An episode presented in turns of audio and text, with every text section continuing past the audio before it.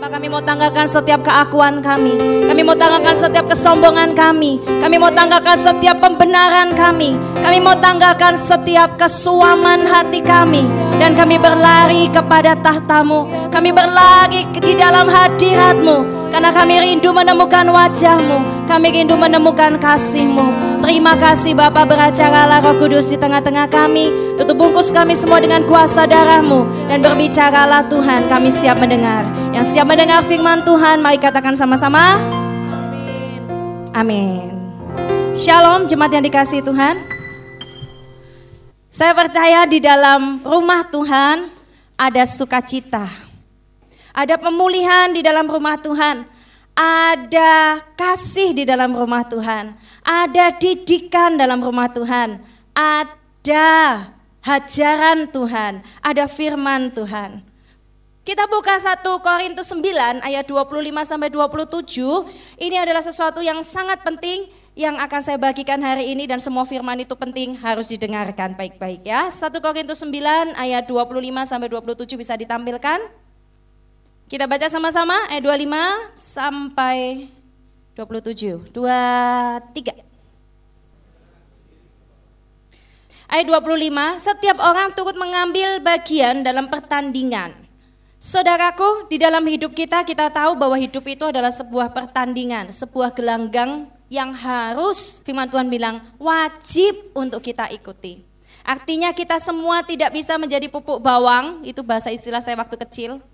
Kalau orang pupuk bawang itu buat salah, dimaafkan, enggak apa-apa. Dia lari ke benteng sana, benteng sini, pegang sana, pegang sini, ngambek, nangis-nangis, makan dulu ya, pipis dulu, enggak apa-apa. Namanya pupuk bawang. Kalau kalian dulu sebutnya apa sih? Sama? Istilah itu dari mana? Pernah tahu pupuknya bawang? Saya juga nggak pernah tahu ya. Mungkin bawang apakah perlu dipupuk ya? Saya nggak tahu ya. Tapi itu istilah masa kecil saya ya di mana itu adalah uh, izin ya hak khusus untuk orang yang mengikuti itu adalah pupuk bawang tapi dia nggak akan dapat hadiah ya dia nggak akan dapat apa-apa hanya sebagai penggembira di dalam pertandingan ya dia hanya penggembira supporter di dalam pertandingan teriak sana teriak sini loncat sana loncat sini teman-teman yang dikasih Tuhan Bapak Ibu Saudara yang dikasih Tuhan Tuhan mau yang pertama adalah kita hidup di dalam pertandingan yang sesungguhnya dan bukanlah menjadi penggembira. Amin. Anda di gereja ini, Anda di dalam pertandingan Anda, Anda di dalam rekom Anda, di dalam keluarga Anda, di dalam bangsa kita, kita ini bukan penggembira. Kita ini bukan supporter yang asal ada. Oh asal ada dalam gereja, asal ada dalam keluarga kita, asal ada dalam kota kita, tapi nggak jadi dampak apa pun. Nggak memenangkan apa pun, tidak melakukan apa pun, itu namanya pupuk bawang. Ingatlah istilah itu. Ya, Tuhan mau yang pertama, Anda ada dalam sebuah pertandingan. Dan saya kasih tahu bahwa tidak semua pertandingan menghasilkan hadiah. Saudaraku yang dikasih Tuhan, setiap kita harus masuk dalam pertandingan yang benar untuk mendapatkan hadiah sorgawi. Tidak semua pertandingan yang kita ikuti itu benar. Ada orang-orang yang mengikuti pertandingan di dalam kehidupan ini, ternyata pertandingannya begitu melelahkan, begitu membuat orang terpesona, begitu kelihatannya luar biasa. Tapi mohon maaf ketika akhir hidupnya Yesus datang di depannya ya di tahta pengadilan dia ternyata nggak dapat apa-apa. Karena apa? Dia tidak ada dalam pertandingan yang benar. Pertanyaannya, saudara yang dikasih Tuhan, sudahkah saya dan Anda ada di dalam pertandingan yang benar? Pertandingan saja nggak cukup. Anda berkata, aku sedang dalam pertandingan ini, aku sedang dalam gelanggang, aku sedang dalam pembentukan Tuhan. Tetapi belum tentu itu adalah sebuah pertandingan yang dari Tuhan.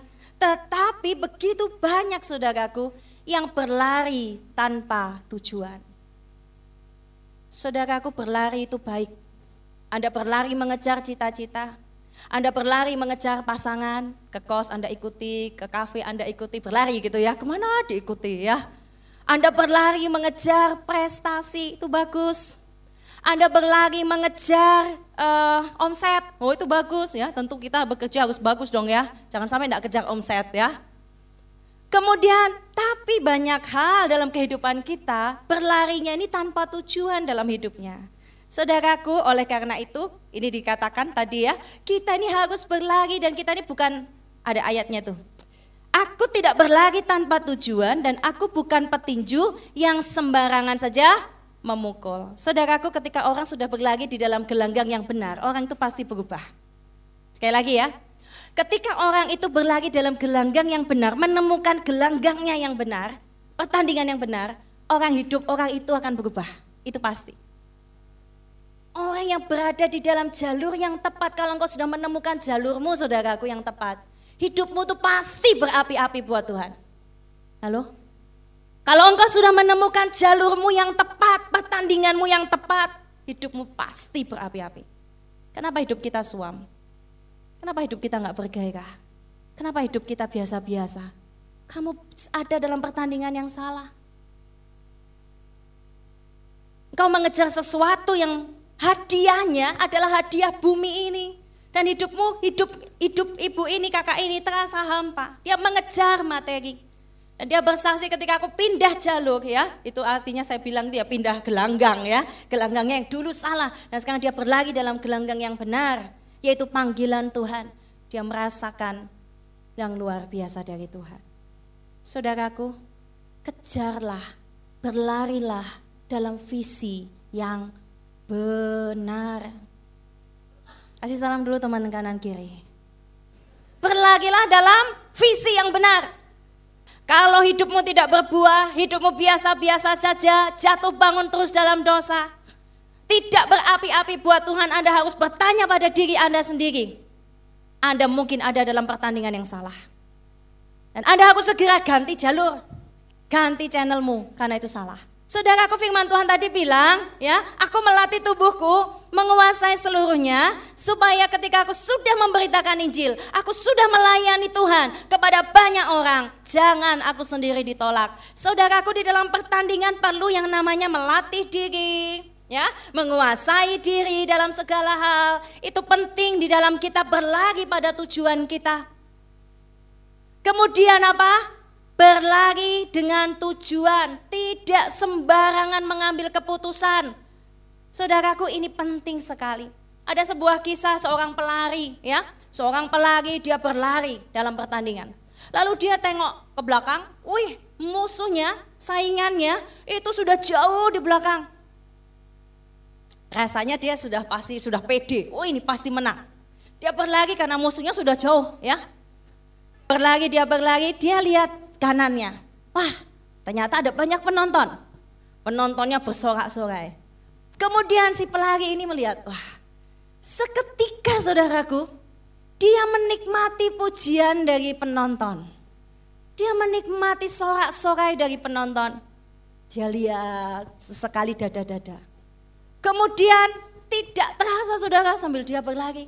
Musuh yang tadi sudah jauh banget ya, Tiba-tiba sudah di sebelahnya. Dia kaget sekali. Loh, musuhnya di sebelahnya. Lalu dalam sekian detik saudaraku ya dalam pertandingan itu. Musuhnya ini menyalip dia.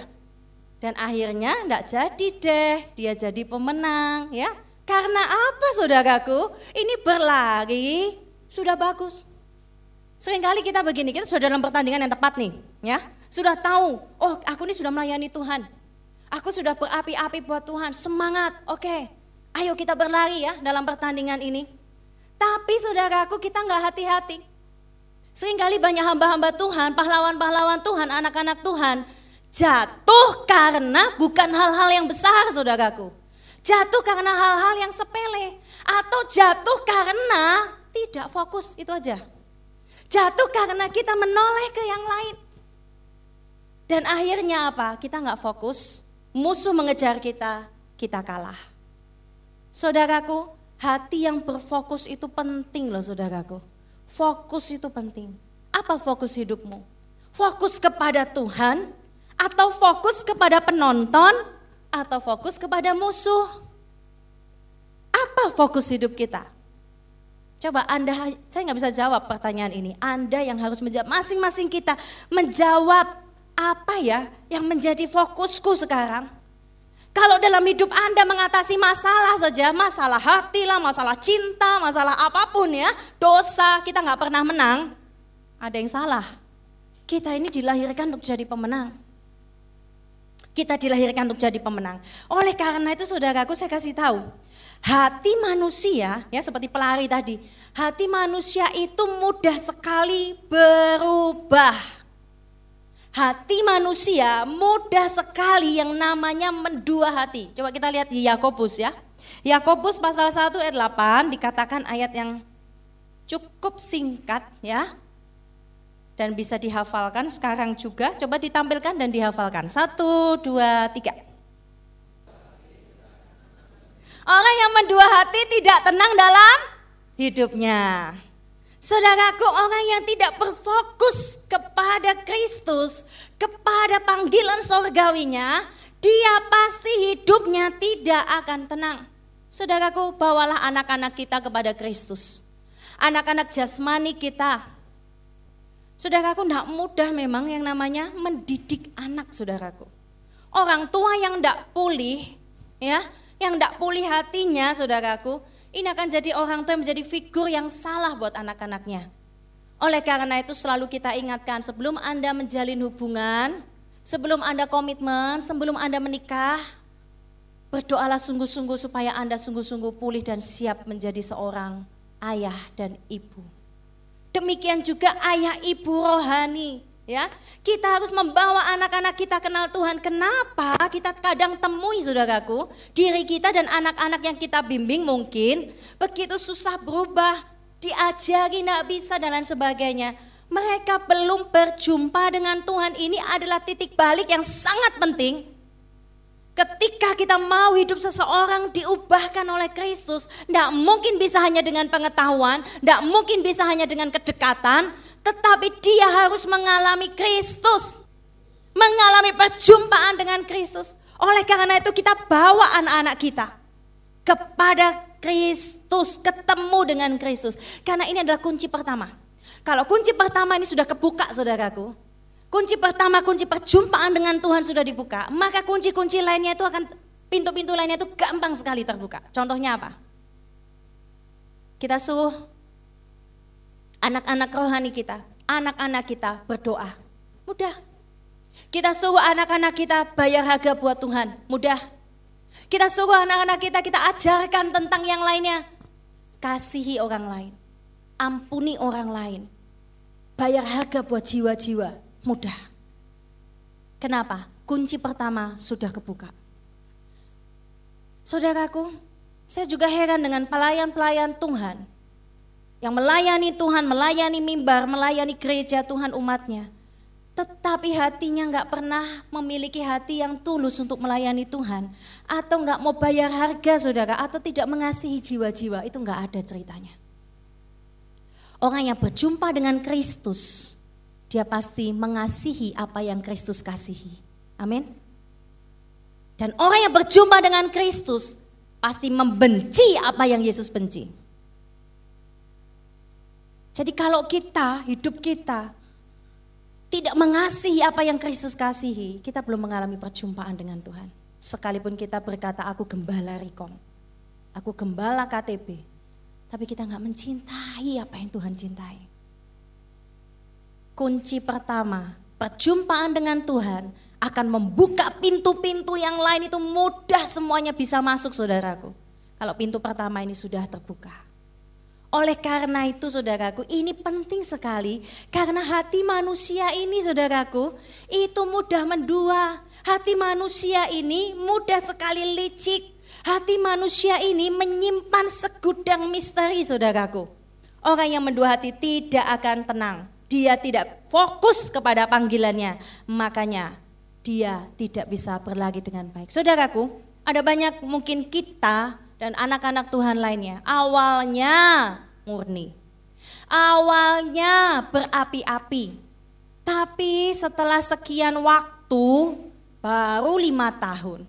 baru tiga tahun, baru satu tahun ditempa di dalam rumah Tuhan, eh sudah kelepek-kelepek saudaraku hilang. Apa mental seperti ini yang Tuhan inginkan? Enggak. Sudah nggak Anda ditempa habis-habisan sama Tuhan. Kalau masalah sedikit aja Anda sudah kabur saudaraku, Anda nggak akan jadi pahlawan.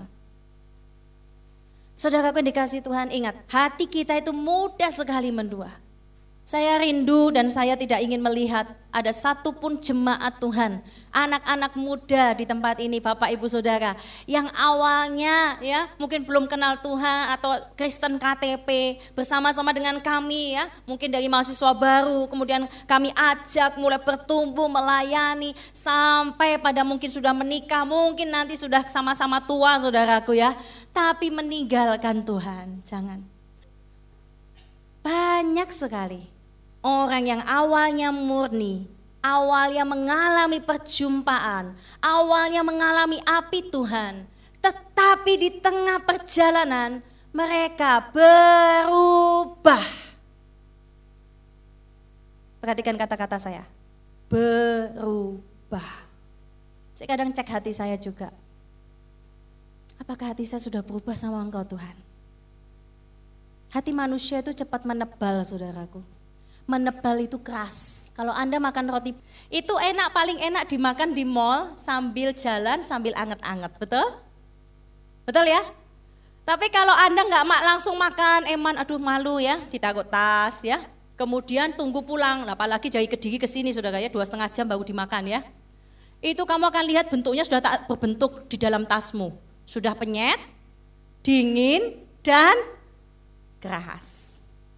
Kenapa hati kita bisa keras? Itu dimulai tidak dalam satu waktu seketika langsung tiba-tiba keras, enggak. Gimana hati kita bisa berubah sama Tuhan jadi lebih jelek ya maksudnya. Bagaimana hati kita bisa menebal sama Tuhan? Itu tidak dalam sekejap loh saudaraku, hati-hati. Tidak dalam satu waktu, satu detik, enggak. Itu lewat proses. Itu ada proses hati yang suam, hati yang dingin. Lama-lama engkau akan mengeras, lama-lama engkau akan menebal, saudaraku. Dan sudah tidak bisa lagi disentuh sama Tuhan. Ada ayat di dalam firman Tuhan, kita buka dulu ya.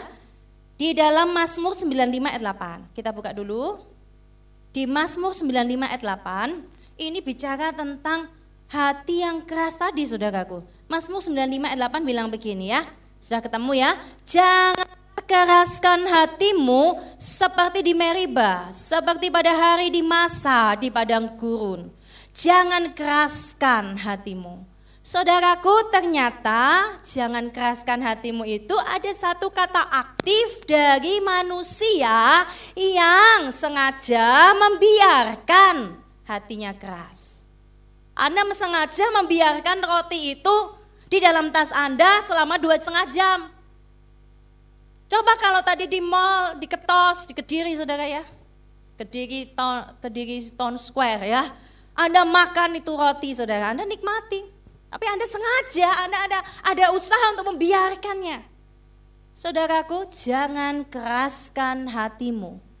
Artinya, firman ini bilang, engkau tahu bahwa hatimu sedang berubah, tapi engkau biarkan. Engkau tahu ada sesuatu dalam hidupmu, pelayananmu sudah mulai bergeser dari rencana Tuhan yang mula-mula, tapi engkau biarkan. Engkau tahu bahwa cintamu sama Tuhan sudah berubah, sudah jadi hambar, jadi tawar, tapi kau biarkan. Jangan keraskan hatimu. Kata Meriba dan Masa, coba kalau Anda baca di Keluaran 17, itu ada sebuah kisah Bangsa Israel pada waktu sudah makan ya kenyang, lalu mereka masuk ke dalam sebuah tempat. Waktu itu belum ada nama masa Meriba. Itu baru dinamai setelah kejadian itu, saudara ya. Ada sebuah lokasi, kemudian mereka merasa haus. Kemudian kalau mereka sudah merasa haus, mereka mulai bersungut-sungut lagi. Ah, aku nih sengaja nih kita mau dibunuh untuk apa kita dibawa ke sini? Haus, mati nanti kita. Lalu mereka bertengkarlah dengan Musa. Ya, lalu Akhirnya keluarlah air dari uh, batu dan kemudian mereka minum. Mereka mencobai Tuhan lagi, lalu mereka tuh berkata begini, ada nggak sih Tuhan di tempat ini? Tuhan itu menyertai kita atau enggak sih? Itu yang dikatakan bangsa Israel. Oleh karena itu masa Meriba menjadi sebuah peringatan. Arti kata masa, saya catat ya. Arti kata masa setelah nama itu ditempati adalah menguji, mencoba atau pencobaan. Sedangkan kata Meriba itu artinya berperkara, berselisih, menuduh, bertengkar, perpecahan. Itu artinya saudaraku perpecahan, pertengkaran, perselisihan, menuduh itu yang dilakukan oleh bangsa Israel kepada Musa dan kepada Tuhan. Mereka suka menguji, mengetes Tuhan. Benar nggak sih Tuhan tuh sayang sama aku? Kalau sayang kasih jodoh dong sekarang. Tuhan kalau kau sayang sama aku, sembuhkan dong sakitku. Tuhan kalau kau sayang sama aku, tolong dong keluargaku. Kalau dan jika dengan syarat. Kalau engkau mengasihi aku. Kalau engkau, kalau engkau, kalau engkau. Ini yang dilakukan bangsa Israel. Halo Anda harus lihat ini, dengar firman Tuhan ini. Ini sering kali saya dan Anda tanpa sadar lakukan ini sama Tuhan. Mencobai Tuhan. Ada nggak sih Tuhan di tempat ini? Ada nggak sih Tuhan dalam hidupku? Benar nggak sih Tuhan tuh eh, menyertai hidupku? Benar nggak sih Tuhan itu menyertai visi di tempat ini? Benar nggak sih? Hati-hati saudaraku. Kalau Anda suka bertengkar sama Tuhan, Anda suka berselisih sama Tuhan, Anda suka mengundang perpecahan, maka Anda seperti bangsa Israel. Bangsa Israel ini haus, awalnya dia haus kan? Kemudian dia melakukan ini. Nah, saudaraku, ini bahaya sekali. Bangsa Israel tidak puas dengan yang namanya kebaikan Tuhan. Perhatikan, bangsa Israel tidak puas dengan kasih Tuhan. Bangsa Israel tidak puas kepada mujizat Tuhan. Bangsa Israel tidak puas dengan kebaikan Tuhan. Ini akar yang mengerikan saudaraku. Bukan karena Tuhan gak baik, Tuhan sudah siapkan segala sesuatu, Tuhan sudah berikan dan nyatakan mujizatnya. Tetap saja hatinya gak pernah puas. Saudaraku, hati-hati dengan ketidakpuasan. Anda yang masih ngekos, Anda lihat kos teman Anda satu setengah juta ber AC, dengan kulkas, dengan TV, dengan alat gym di dalamnya. Padahal nggak pernah dipakai gitu ya. Tahu alat gym? Itu angkat berat itu ya, batu. Batu 5 kilo itu alat, alat nge-gym gitu ya, ditaruh di kamarnya ya. Lalu sedangkan kos kita saudaraku, harga cuma 300 ribu, satu petak, tidak ada apa-apanya, nasi suruh makan sendiri, eh makan sendiri, ya masak sendiri gitu ya, cuci-cuci sendiri gitu ya, nggak ada nggak ada asisten rumah tangga gitu ya. Lalu anda merasa tidak puas, ini karena orang tuaku miskin, ini karena ya mungkin apa kita salahkan ini salahkan, lalu kita sedih-sedih, kita jadi nggak puas, kita jadi muram, kita jadi orang yang tidak pernah bersyukur sama Tuhan, tidak bisa nikmati. Kan bisa tidur, bisa makan, masih bisa hidup. Tidak perlu kulkas di dalam kamar, betul? Tidak perlu TV dalam kamar. Tapi kita pingin, kepingin kayak orang itu. Kepingin membandingkan dengan yang itu. Kok enak, kok enak. Demikian juga dalam segala perkara saudaraku, hati-hati dengan dosa ketidakpuasan. Lihat gembala Anda mungkin, gembala sidang, lihat para pemimpin, lihat gembala-gembala rekom, lihat gerejamu, lihat rumah yang Tuhan berikan, gak puas. Ah, makanan di gerejaku ndak enak, ngomongnya itu tok.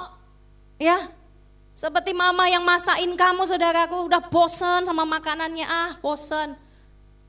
Tapi tanpa makanan itu kamu sudah mati loh dari lama. Tanpa makanan dimasak mamamu dari dulu yang kamu bosan-bosan itu saudara ya, kamu sudah mati dari lama nggak pernah makan kan? Makanan mama itu penting ya, makanan yang dibuat dalam rumah itu penting. Dan saya kasih tahu Anda harus dikasih makan di dalam rumah Tuhan. Anda nggak bisa cari makan sembarangan saudaraku. Apakah Anda sudah melakukan firman Tuhan? Sehingga Anda berkata, saya sudah bosan dengan firman Tuhan. Apakah Anda sudah melakukan kebenaran ini sehingga Anda berkata, aku nggak puas dengan gerejaku. Sebelum Anda mengatakan itu, cek diri Anda sendiri, cek diri saya sendiri. Sudahkah saya melakukan, sudahkah saya berbuah, dan sudahkah saya jadi dampak buat rumah di mana Tuhan tempatkan kita. Saudaraku yang dikasih Tuhan, sebagai pembimbing-pembimbing rohani, ayah ibu rohani, Saya sarankan kepada kita semuanya untuk belajar membimbing anak-anak kita kepada pintu kunci yang pertama tadi dan kemudian ajarkan banyak hal kepada mereka itu akan masuk dalam hidup mereka. Nyatakan, jelaskan kepada mereka apa kesalahannya. Seorang anak gak pernah dikasih tahu kesalahannya apa saudaraku. Ini bahaya sekali. Mereka hanya tahu kalau boleh dan tidak boleh. Tapi kalau kita jelaskan kepada anak-anak kita, jasmani maupun rohani, ya, siapa pun di sini mungkin Anda juga bingung, minta penjelasan. Karena saudaraku kita harus tahu kita ini memang ada salah apa, kita ini kekurangannya apa, apa yang menjadi afon kita, apa yang menjadi dosa kita, itu perlu untuk kita ketahui saudaraku. Dan orang lain, pembimbing-pembimbing, ayah ibu rohani kita untuk tahu. Jadi ayah ibu rohani di tempat ini, kalau Anda nggak pernah kasih tahu anak-anak rohanimu, apa kesalahan mereka, apa kecenderungan mereka, apa bahaya-bahaya yang akan mereka hadapi ke depan, Anda belum menjadi ayah ibu rohani yang baik. Perlu sekali untuk membimbing. Saudaraku, jangan biarkan ya hati kita ini yang mudah berubah ini saudaraku ya, menebal atau menjadi keras. Kalau Anda adalah orang yang pemikir, di sini kan ada banyak orang yang sifatnya beda-beda. Ada orang yang pemikir, sedikit-sedikit apa dipermasalahkan, Ya, kalau kita punya anak-anak seperti itu, jangan bilang anak itu nakal dan tidak bisa diperbaiki. Ada anak yang dulu Bapak Gembala pernah cerita ya, ada anak tuh yang memang tipe kritis, tipe ini, tipe usil dan sebagainya. Bukan berarti mereka bukan anak. Mereka justru ya kalau kita mau cuman mau punya anak yang baik-baik saja saudaraku ya, ya enak sekali ya. Tapi kita berbagai macam karakter saudaraku. Kalau kita mungkin menyimpan misteri, suka bermain pikiran, ya suka ndak puas sana ndak puas sini mempertanyakan ini dan mempertanyakan itu jangan malu saya kasih tahu sebagai hamba Tuhan di tempat ini jangan malu jangan ragu untuk bertanya kepada gembala Anda jangan simpan itu karena apa yang Anda simpan menurut pikiran Anda sendiri itu akan menjadi racun dalam hati Anda, akan meracuni pikiran Anda dan akan membuat hati Anda menebal, membuat hati Anda bergeser, membuat hati Anda akan keras, itu pasti. Kalau Anda biarkan itu.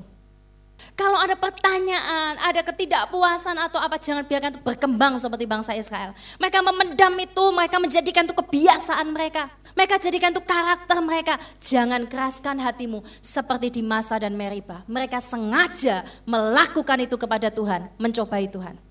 Mereka sengaja mempertanyakan Tuhan. Mereka sengaja bertengkar, cari gara-gara sama Musa. Itu sengaja. Saudaraku, seorang hamba Tuhan, seorang pria yang dulu awal pelayanan saya, ya 10 tahun, 15 tahun yang lalu saya sudah dengar tentang dia, sekarang dia sudah tua sekali. Pelayanan kasih di New York, ya. Namanya adalah Bill Wilson. Jadi gini ceritanya, ya supaya Anda tahu. Satu saat, ya ini dia kan pelayanan ya, pelayanan anak jalanan.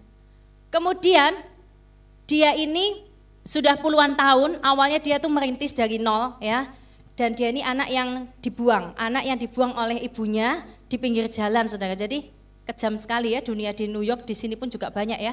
Setelah melahirkan anaknya sudah cukup gede gitu, mungkin berapa tahun, mama mau beli es teh dulu ya gitu, modusnya mamanya, ya. Ya ma, cepet balik, setelahnya beli es teh, entah beli es teh di Afrika atau di mana nggak balik-balik saudara ya.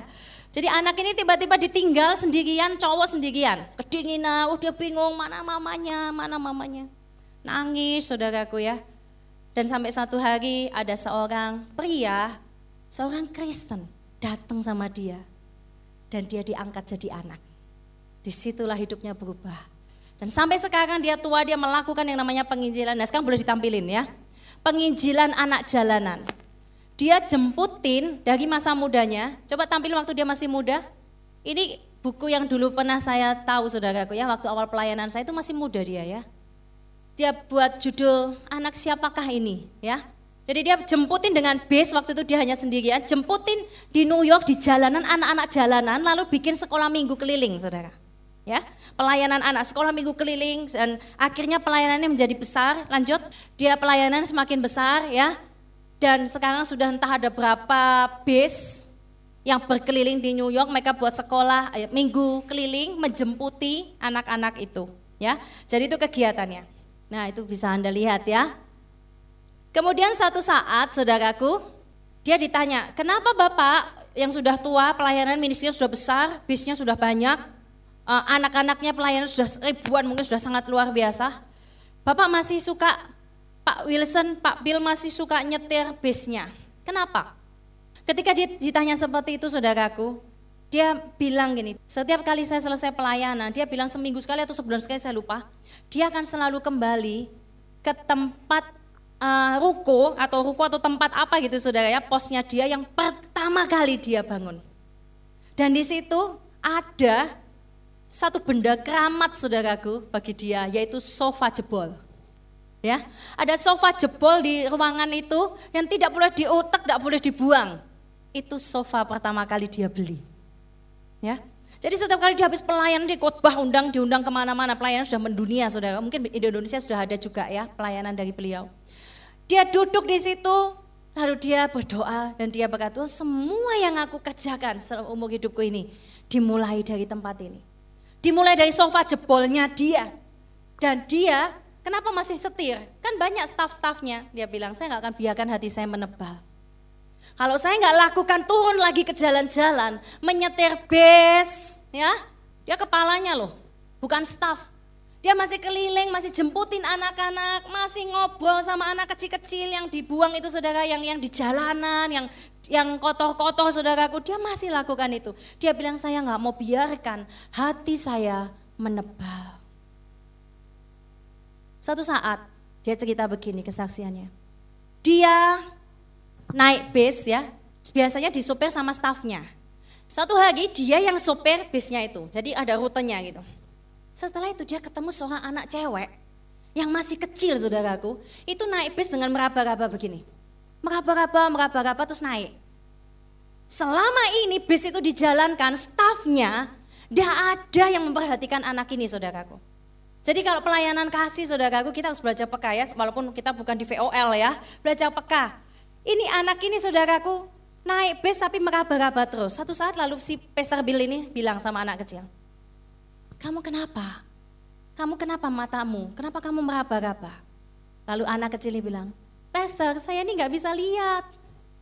Kenapa nggak bisa lihat? Saya minus enam. Lalu Pastor Bill hatinya terenyuh saudaraku. Sekaligus mungkin marah sama stafnya. Karena mereka dalam pendidikan mereka saudara yang saya tahu, saya baca. Anak mereka butuh apa? Sekolah, kesehatan, apa itu diperhatikan. Bukan cuma sekedar jemput ke sekolah minggu, ya. Bikin acara, pulang-pulangin, kasih makan roti satu. Enggak. Mereka betul-betul memperhatikan anak ini satu persatu loh saudaraku. Sampai datang ke rumah orang tuanya pun iya. Ini sopir-sopirnya nih hatinya sudah menebal saudaraku karena sudah terbiasa ya setiap hari ya jemput rutenya itu ya kan melayani jemputin anak Gak sadar ada satu anak cewek gadis kecil meraba-raba naik bis saudaraku. Akhirnya si Pastor Bill bilang, sini saya belikan kamu kacamata. Dibelikanlah dia kacamata minus saudaraku, minus enam. Dan akhirnya setelah pertama kali dipakaikan kacamata ini saudara kacamata ajaib ini saudara ya, minus enam. Dia nangis. Anak kecil ini nangis saudaraku luar biasa, dia nangis, dia peluk Pastor Bill. Dia peluk, dia bilang, Pastor, saya bisa melihat lagi, saya bisa lihat lagi, saya bisa sekolah lagi katanya. Saudaraku bayangan kalau ada orang yang peduli sama anak kecil ini, waktu dia masih minus dua, mungkin dia nggak perlu harus sebuta saudara seperti itu. Bertahun-tahun gak ada yang perhatikan. Lalu Pastor Bill ini bilang, saya nggak mau biarkan hati saya menebal. Saudaraku mungkin Anda dulu pernah mudah disentuh Tuhan. Nangis di gereja, Nangis di doa malam, nangis di kamar doa Anda, mudah tersentuh, mudah mengasihi. Sekarang hati kita sudah berubah. Kita sudah punya banyak fasilitas, hidup enak mungkin, punya uang, kerja, punya pacar ya, punya istri, punya suami, punya anak. Hati kita mungkin sudah berubah. Anda mungkin yang dulu ngekos susah, sekarang sudah ada rumah, hati kita sudah berubah. Saya juga harus jaga hati saudaraku. Jangan sampai kita sudah nggak mau lagi melayani. Bahkan itu cuma satu orang yang perlu dikasihi. Satu orang yang perlu dikasih kacamata. Ya, apa yang menjadi kesaksian Bill Wilson ini ketika saya dengar, iya Tuhan itu betul. Dia selalu kembali ketika di, tanya saudaraku, dia bilang, saya masih tetap harus setir karena dan kejalanan karena saya tahu dari mana saya diambil. Saya kecil diambil ada seorang Kristen yang datang kepada saya dan mengambil saya sehingga saya harus lakukan yang sama. Karena ketika saya menjemputi anak-anak itu mengambil mereka, memperbaiki hidup mereka, saya sedang memperbaiki hidup saya sendiri. Dia bilang begitu. Saudaraku, ayo, Tuhan yang tahu hati Anda. Tuhan Anda sendiri yang tahu hati Anda masing-masing. Apakah hatimu sudah mulai keras sama Tuhan? Apakah hatimu sudah mulai keras ketika mungkin Anda dalam gereja atau rumah Tuhan, Anda bisa lagi nikmati hadirat Tuhan. Anda hanya cuma jadi pengamat, nggak bisa lagi menyembah Tuhan, nggak bisa lagi berkasih kasihan dengan Tuhan, intim dengan Tuhan. Hatimu sudah mulai berubah. Saudaraku, biarkan hati kita itu dimiliki sama Tuhan. Ini yang terakhir ya. Tahu arti kata dimiliki itu apa? Dimiliki sama Tuhan dengan memiliki, ya itu beda. Dimiliki itu kata pasif. Supaya Tuhan Yesus bisa dimiliki oleh dunia, dia melakukan sesuatu yang luar biasa, mati di atas kayu salib, pasif. Dia menyerahkan dirinya, dia menyerahkan segalanya, disiksa, dihancurkan, diremukkan untuk dunia. Supaya apa? Dia bisa dimiliki sama dunia. Sehingga semua orang yang percaya kepada Yesus Kristus di dunia ini, siapa pun dia, akan diselamatkan. Bagaimana cara Yesus memiliki dunia? Dia aktif. Memiliki adalah kata aktif. Caranya apa? Dia harus turun ke dunia. Itu aktif. Anda ingin memiliki Yesus? Lakukan yang aktif. Apa? Anda sudah terima kan? Jangan cuma terima toh. Anda aktif, yaitu apa? taat sama kebenaran. Anda aktif melakukan kehendaknya. Anda aktif melakukan pekerjaan-pekerjaannya. Aktif. Dan bagaimana supaya Anda dimiliki sama Tuhan? Gampang. Uh, dimiliki artinya apa? Pasif. Pasif itu apa? Menyerahkan diri kita jok ngeyelan, jok suka tengkar sama Tuhan. Berserah, dihancurkan ya sudah, diremukan hatinya ya. Tuhan mau apa? Berserah penuh maka saudara, ini adalah sebuah hubungan. Kalau Anda melakukan ini, memiliki dan dimiliki oleh Kristus, Anda akan lihat sesuatu yang luar biasa. Demikian juga dengan visi Tuhan. Anda harus memiliki visi itu dan dimiliki oleh visi itu. Itulah hukum aktif dan pasif hari ini. Paham? Mau dimiliki sama Tuhan? Lakukan seperti yang Yesus lakukan. Berserah, bahkan ketika dia disalib. ya Dan memiliki Kristus. Saudaraku, menyimpan untuk diri sendiri itu paling mudah, ya. Menyimpan berkat untuk diri sendiri, simpan waktu untuk diri sendiri, simpan apa lagi? Uang untuk diri sendiri, simpan pikiran, tenaga diri sendiri. Itu memang paling enak, Saudara ya. Tetapi Tuhan mau kita melayani sampai akhir. Apa yang saya khotbahkan ini kalau saya alami tidak 100% seindah apa yang di mimbar saudara, percayalah. Tapi firman yang hidup adalah firman yang menjadi daging di dalam kita. Anda akan diajar melayani, mengampuni, berkorban buat Tuhan, fokus kepada Tuhan, berlari pada Tuhan, itu apa yang kita lakukan. Bukan apa yang kita katakan saja. Dan akhirnya kemarin Bapak Bigman dipanggil Tuhan. Saudaraku, Maukah kita sama-sama belajar melayani Tuhan setia sampai akhir? Kita renungkan firman Tuhan, kita tutup Alkitab kita. Teman-teman yang dicintai Tuhan, percayakah Anda bahwa Bapa kita di surga sangat mengasihi Anda secara pribadi? Percayakah Anda bahwa Bapa di surga sanggup memelihara hidupmu? Bahwa Bapa di surga menjanjikan pemeliharaan, bukan berarti tanpa sakit, tanpa kesusahan, bahkan tanpa kematian. Itu semua bisa saja kita hadapi. Itu semua bisa saja kita akan hadapi. Tidak punya uang, mungkin kekurangan dan lain sebagainya. Tetapi maukah engkau tetap setia? Maukah engkau membereskan hidupmu terus menerus disempurnakan sama Tuhan? Ada di dalam pertandingan yang benar. Ada dalam pertandingan yang benar. Saya mau bertanya pada seluruh jemaat Tuhan yang dicintai Tuhan. Apakah engkau membiarkan dengan sengaja hatimu mulai bergeser dari yang mula-mula Tuhan cintai. Mulai bergeser dari hati yang pertama kali membuat Tuhan begitu jatuh cinta kepada engkau, begitu tergila-gila, begitu tersentuh oleh hidupmu. Tapi engkau membiarkan itu bergeser. Mungkin kau sibuk bekerja, kau sibuk kuliah, Kau sibuk membahagiakan orang tua, itu baik. Tapi kalau itu membuat fokusmu beralih dan kau tidak lagi melihat kepada mata Kristus, engkau akan mudah jatuh. Adakah hatimu bergeser, saudaraku? Adakah hatimu mulai nggak bisa lagi disentuh sama Tuhan? Adakah hatimu sudah nggak lagi nangis sama Tuhan dan berkata, selain kau tidak ada lagi yang ku mau Tuhan? Apakah hatimu sudah nggak lagi bisa disentuh ketika engkau menyanyi lagu pujian di gereja?